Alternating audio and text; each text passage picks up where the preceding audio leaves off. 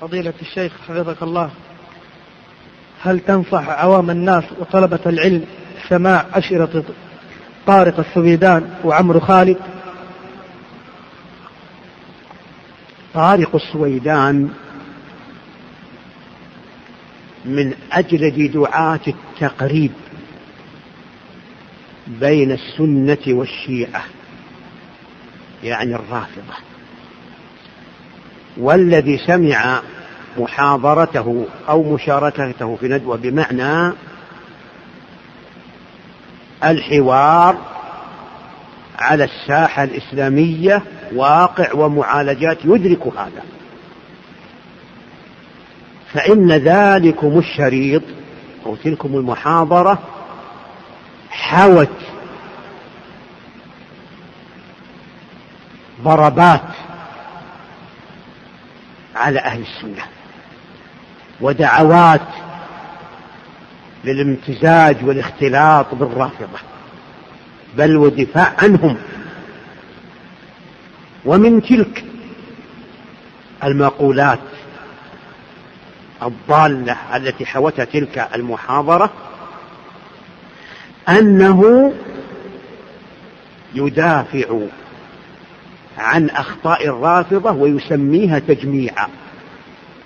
انظروا كيف خلص بهذه العبارة إلى تكذيب الأئمة مثل الإمام أحمد والشافعي ومالك ومن بعدهم من أهل الإمامة والفضل الذين انبروا للرافضة ودحضوا أخطاءهم وضلالاتهم وأبانوا وأبانوا خروجهم عن السنة. كيف كذب من يخرج الرافضة من الفرق الإسلامية الثلاث والسبعين بهذه المقولة؟ وإلى جانب ذلك هول أخطاء أهل السنة. وسواها بأخطاء الرافضة وضلالاتهم. أخطاء السنة يسويها بضلالات الرافضة. فقال إن لو جمعنا فقال إن لو جمعنا أخطاء السنة لأخرجنا مجلدا ولكن ولكنا كلنا كفارا. قال هذه العبارة أو نحوها. وأوصيكم بالاطلاع على ما كتبه الأخ الفاضل عبد الله بن مبارك في الرد على هذا الشريط والرجل متفلت متحلل متفسخ مفتون بالحضارة بالحضارة الغربية. من ذلكم أنه نشر بأنه عازم على تكوين رحلة نسائية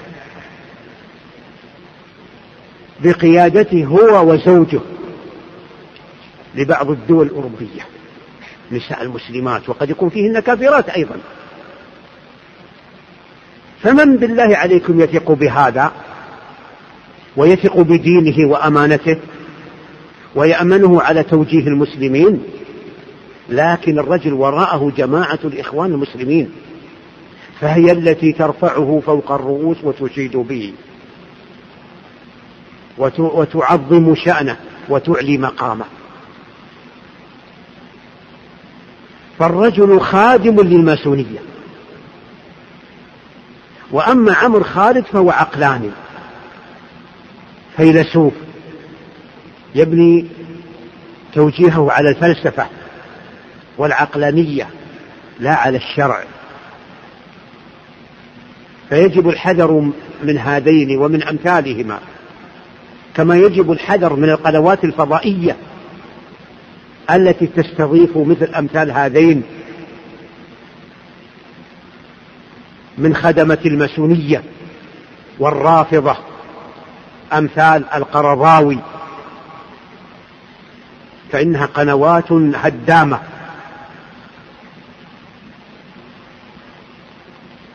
منحرفة حرب على الإسلام وأهله. وأخشى أن وراء هذا الفكر اليهود. فأولئك الدعاة إن لم يكونوا ماسونيين فهم يخدمون الماسونية